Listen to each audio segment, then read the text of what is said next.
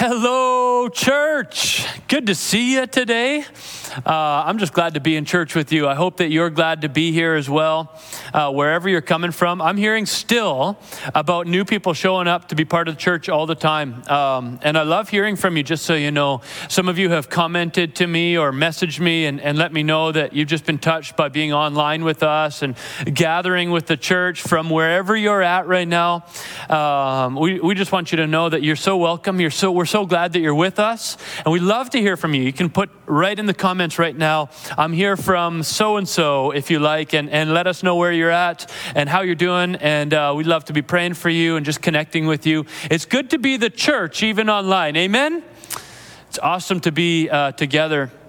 And just a, a reminder, uh, I just want to keep celebrating this. I want you to have it on your radar that even though we're doing online, we love online, and this has been really good and will continue to be really good. We're really excited for October 4th. It's going to be a party. Uh, we, we're going to start our physical gatherings uh, within our COVID regulations, uh, within uh, the, the honoring our province and our government as best we can.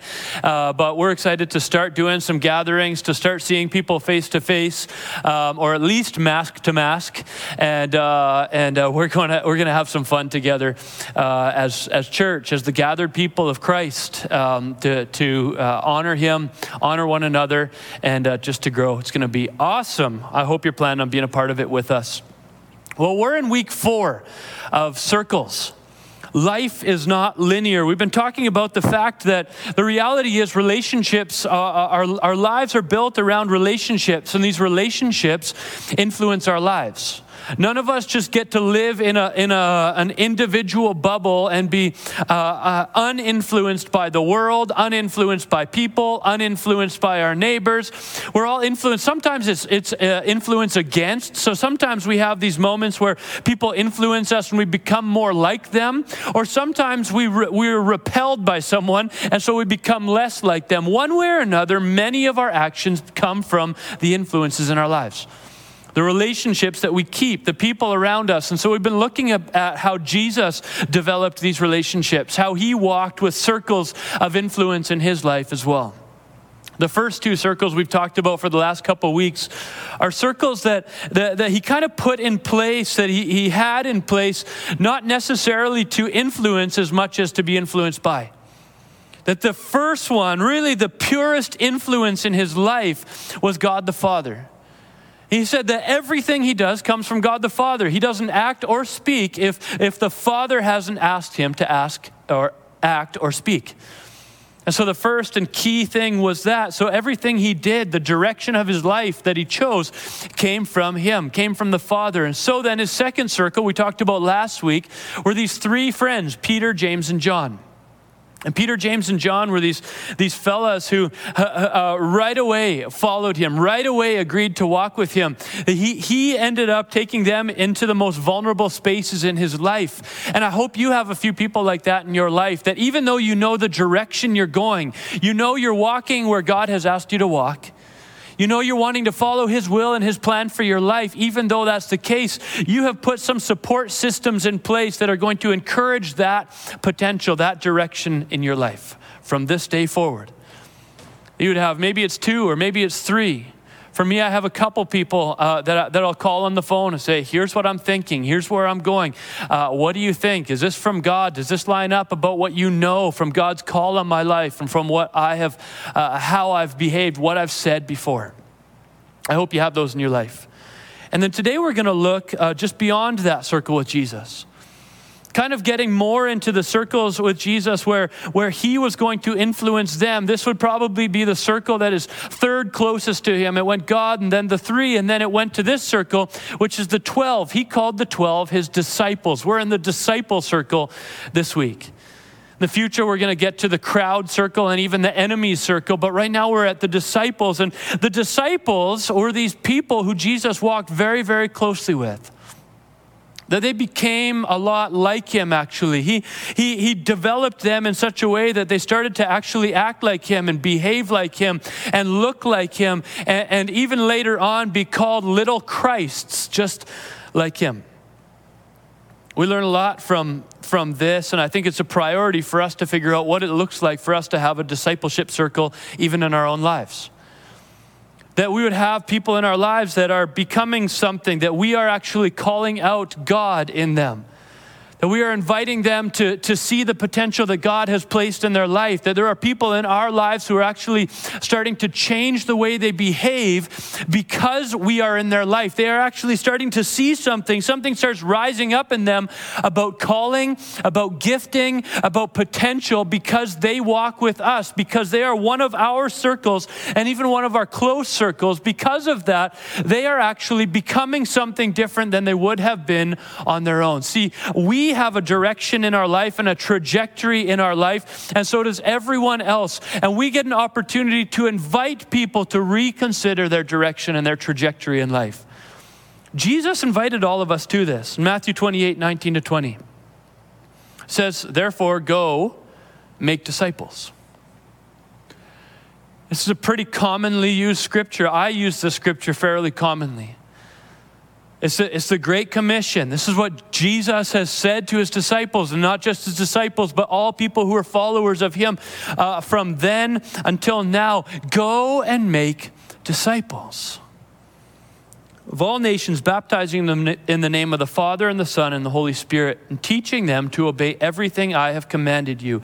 And surely I am with you always to the very end of the age. See, one of the things that happens in our Christian life, you know, we get this direction from God. My inner circle is God. He's told me where to go. He's, he, I, I feel it's this. I, I, I feel like I'm supposed to walk in this journey. I'm going to put a couple people around me who I think are going to move me in this direction, and that's great. And sometimes that's where it ends for us. Uh, maybe there's a crowd around us we're going to talk about next week that sort of watches how we live. Maybe there's some enemies that don't really like how we live, but we sort of skip this, this discipleship circle that, that actually uh, the, the spaces of influence that we're meant to have, that not just people who are influencing us, but the people that we're meant to influence. That Jesus didn't just go, Well, I'm going to those people and I've got the people who are going to help me get there. But he also said that the, the greatest influence I'm going to have in this world is by creating a great circle of influence in my life. Not too big, not too small. Jesus only picks 12 people for this. And he picks them again. He chooses them. He says, I need some specific folks to be in my circle because I specifically see that God wants to use them. And some uh, portions of, the, of scripture, some of the accounts of how this went down is Jesus prayed all night long and then went out and got his 12 disciples. I think he said, give, God, give me the eyes to see who you want to move in. Some people are, are not going to be ready. Some people don't want that. Some people are going to push back against me.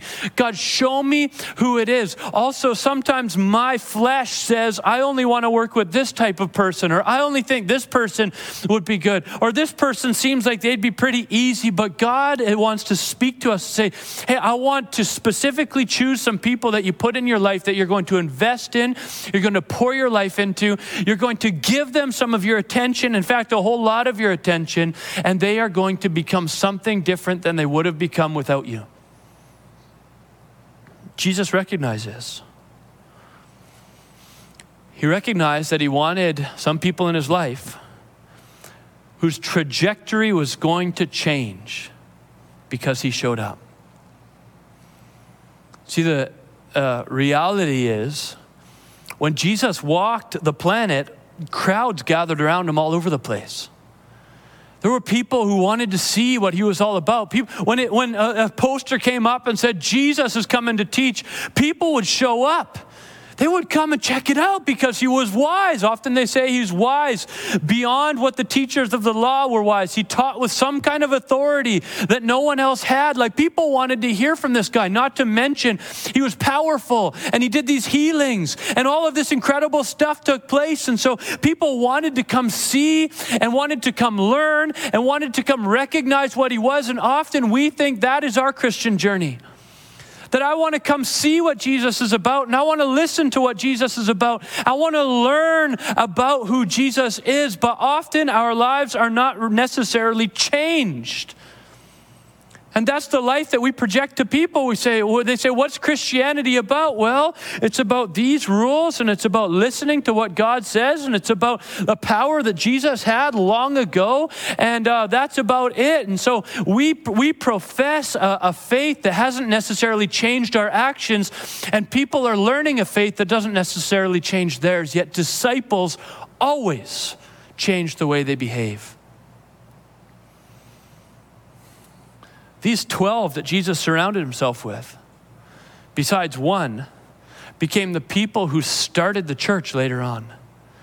They became the people who, who changed the, the, the, the, understanding of religion. They're the people who launched the church forward in all the ways that, that, that it was meant to go. They were the people who carried the image of God and, and walked in the Holy Spirit of God and saw millions of people change. In fact, we're still a result of that. And so you got to sort of ask if there were all of these crowds looking on if there were all of these other people looking on, why does it seem like really the, the only ones who acted out the faith were the 12? Here's why, I think. I think because Jesus was showing us that relationship changes lives. I often say relationship is the soil in which faith grows. But this today, as I was, I was, I was praying about this and readying up uh, for this, I felt like God said, relationship is the soil in which discipleship can grow. That within relationship, all of a sudden, we, we have some authority to call out a life change in someone. Within relationship, we have the opportunity for someone to see our actions and be changed by them. Within relationship, it's a, uh, there's, there's space for us to ask questions and, and figure out motives and, and figure out why on things. Lots of people who saw Jesus would just look on and say, There he is. He is powerful. He is mighty. He is smart, whatever he is. But the disciples were in relationship with Jesus, so they got a chance to go, I know your heart, Jesus. Or they'd come and go, I uh, just, just wondering why you did that. Or you said that one story and it didn't quite make sense. Can you tell us about it? And Jesus would tell them and explain things to them and walk with them and, and, and, and share, and they would learn, and then he would give them opportunities to do. And it was the doing. It was, it was the fact that their life was already changed when he was with them, that, that their life remained changed when he was not with them know, I think back on uh, who influenced my life. If I was a disciple of someone, who was it? And I talk about this guy a lot. He's, he's, he was really influential. As far as my Christian journey goes, he was super influential when I was like grade six and seven. By the way, if you're a grade six and seven small group leader in this church, I want you to know you could be making a massive difference right now. And this guy, when I was uh, grade six and seven, there's lots of stories that, that uh, came up about him, but he was, he was just, he was six six. He's a big guy. He was just vibrant in his faith. He had a booming voice. Like he was just like a big dude, but he would also dance in the middle of the back of the church. And I sat, sat at the back of the back of the church, and he would do these like it was like river dance kind of moves like this. Like it was just something else. It was it was a it was a sight to see. It was dangerous to come anywhere near him. I mean, he, he, he had this passionate faith. He would pray loud during songs. He would sing, and I don't remember if he had a great singing voice or not, but he would just sing it out. He would dance. He cared for the poor. Like he did these radical things, and I was, all of us looked on and were like, well, that's interesting. That's cool. That's who he is. Uh, he's got a good faith. He must have a good thing going on with Jesus. That's awesome. And that was all that ever was to me until he said, Evan, you come and dance with me. I still so remember the time when I first danced in church. It was like something like that. You can try that move at home if you want. I, I, I, I, even though my actions were small and I didn't feel like I was ready to go, there was something that started breaking in me in that moment. When his faith in Jesus became my actions. They started to shape my faith in Jesus. Soon he, he was building relationship with me. He'd take me out to A&W. And I remember for years I did exactly what he did because what he did at A&W is when we'd go in to get our ketchup, he would spread open the little container so that it was like a plate of ketchup. And he'd just fill so much ketchup on there. I was like, brilliant. Like, how did I not know this before? This is awesome. And he did, and, and it was there that, that we grew in friendship. But then in that space where we were growing in friendship, he'd say, So what's Jesus teaching you right now? Is it grade six, seven? I'm like, What? Jesus can teach me things, and he was giving me opportunity to try out my faith. Because faith is never meant to just be an understanding when, when it comes to Jesus. Maybe religion is meant to be an understanding and is meant to be a, a bunch of laws and a bunch of rules that, that you're supposed to know and try to abide by. But faith in Jesus Christ is meant to be a vibrant, vibrant set of actions. It's meant to be life change. It's meant to be something that looks so different than anything else that you've done before.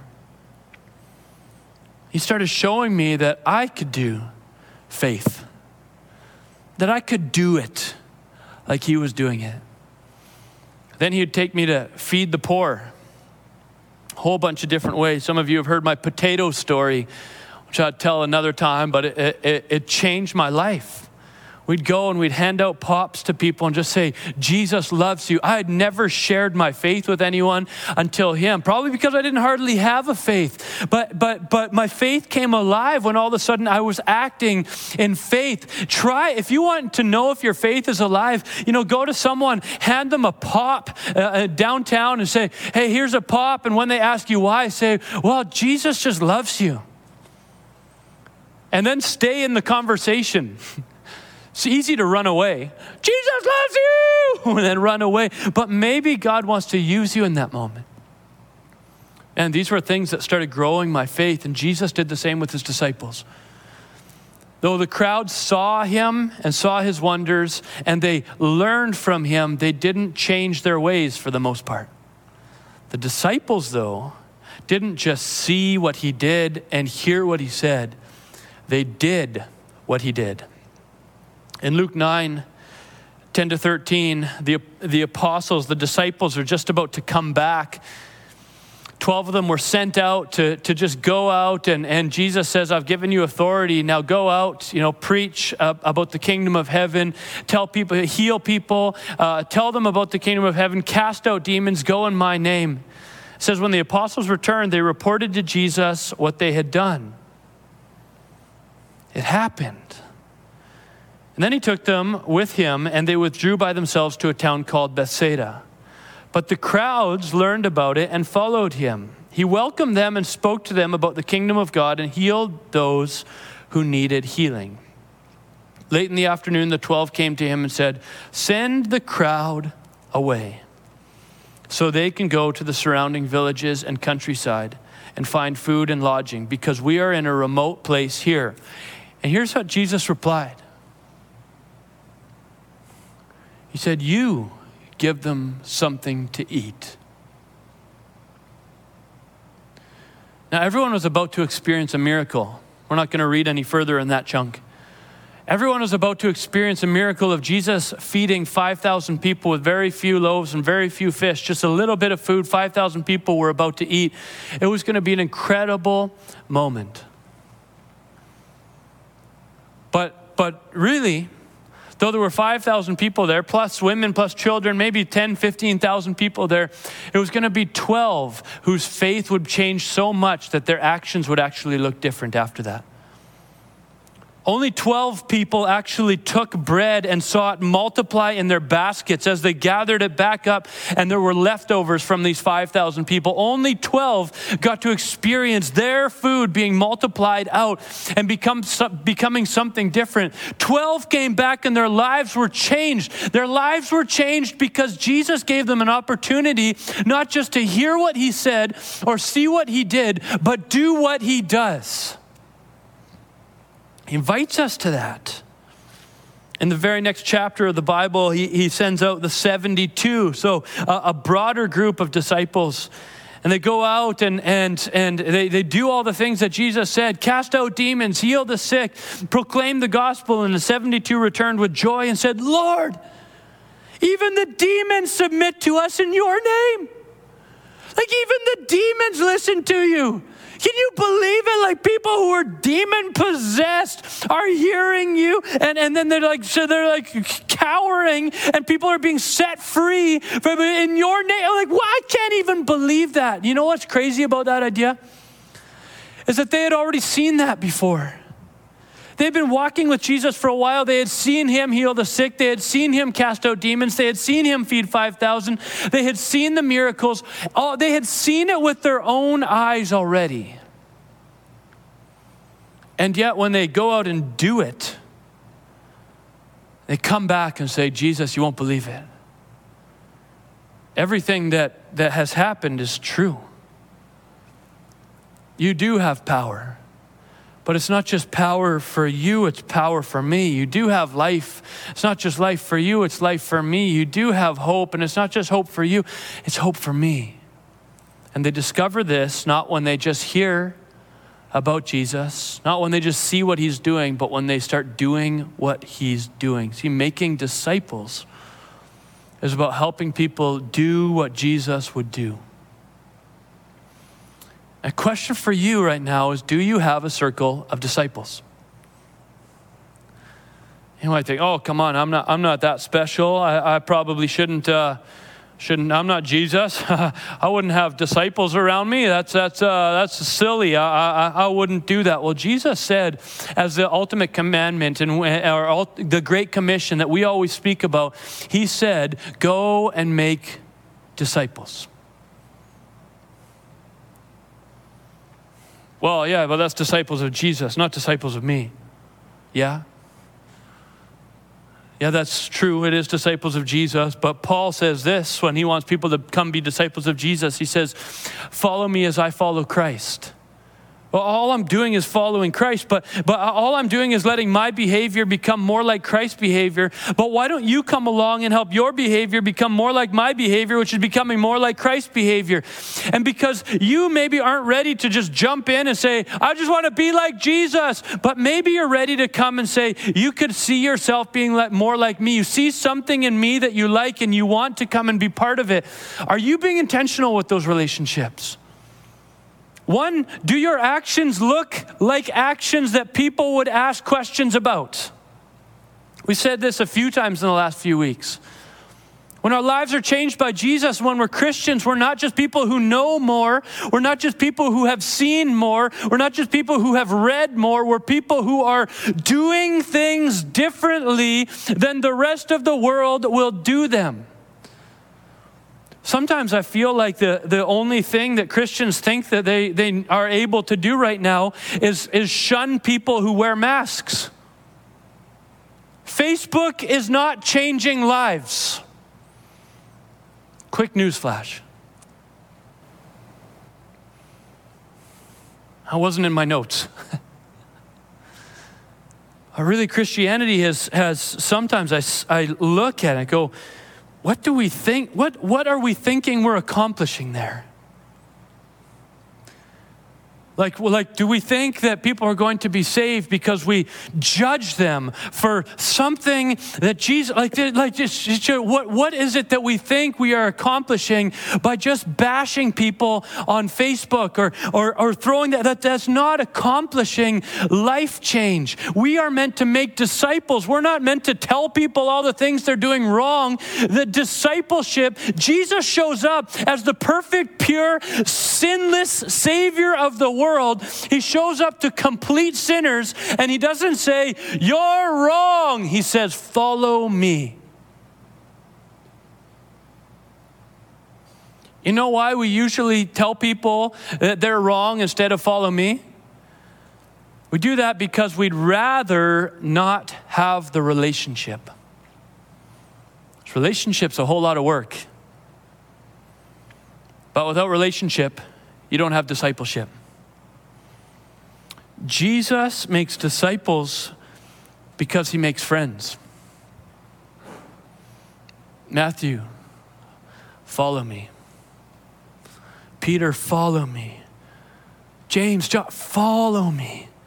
Come be with me. How often, Jesus? Always. Where? Everywhere. Until when? Until the end, which is only three years because I'm about to die uh, and, and for your sins. But just come with me and be friends with me. Why? Why, Jesus? Because I am going to cause you to become different people. Jesus, are you sure you don't want to just tell me how to be a different person? No, because relationship is going to give me more authority in your life than my words are ever going to have, even though I'm God. Because I've given you a choice of whether you want to receive it or not.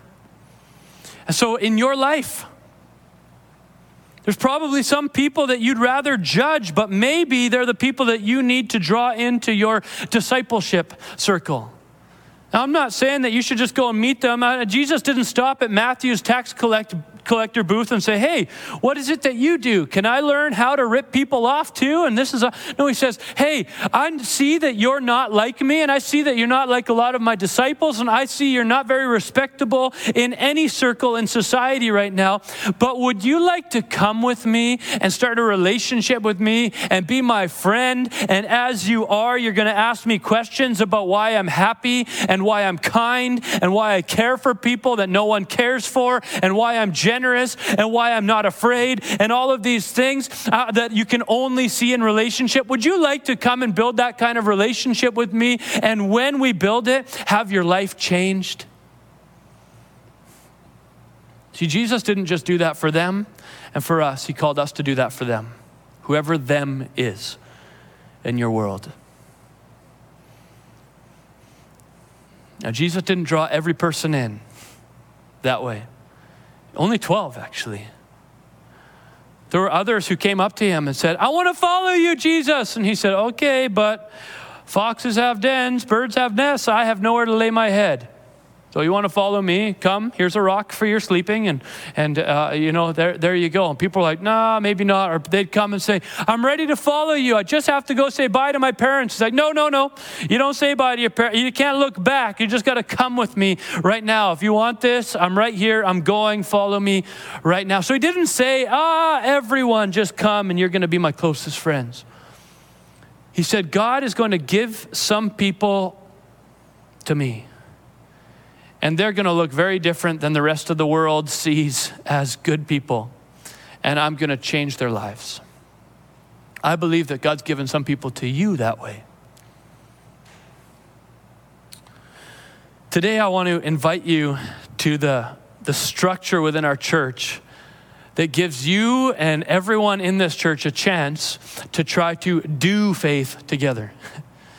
Not to just learn faith, not to just see some things from Jesus or listen to some things about Jesus, but to actually do some things of Christianity, to actually walk in a discipleship journey, to join in relationship, I want to invite you to a small group.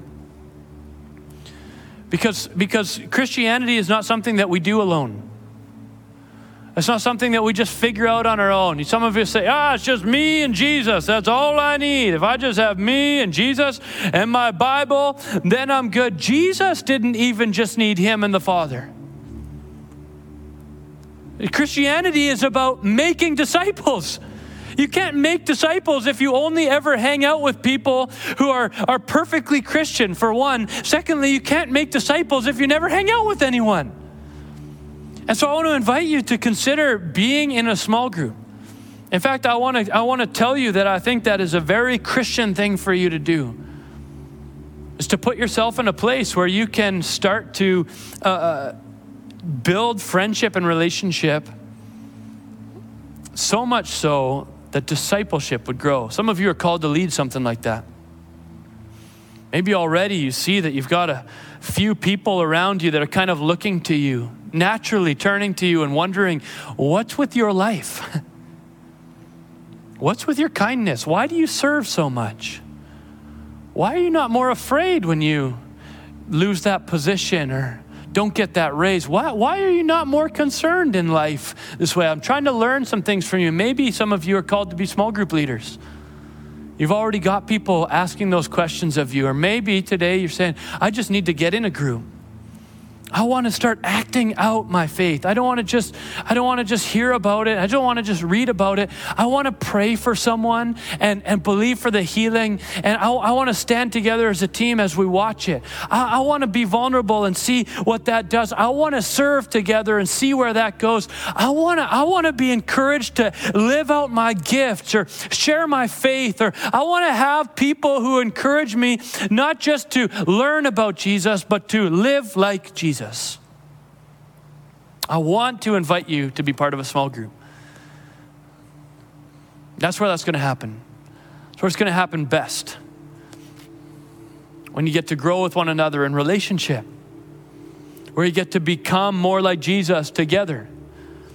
It's easy to act like Jesus when you're on your own. you're always the kindest person in the room when you're the only one in the room. You're always the most patient person in the room when you're the only one in the room. It's very easy to be very understanding of yourself. If you want to start to live like Jesus, you got to put yourself around some other people. Grow with them. Stretch with them. Learn with them. Pray with them. And together become more like Jesus. So today I want to pray for you.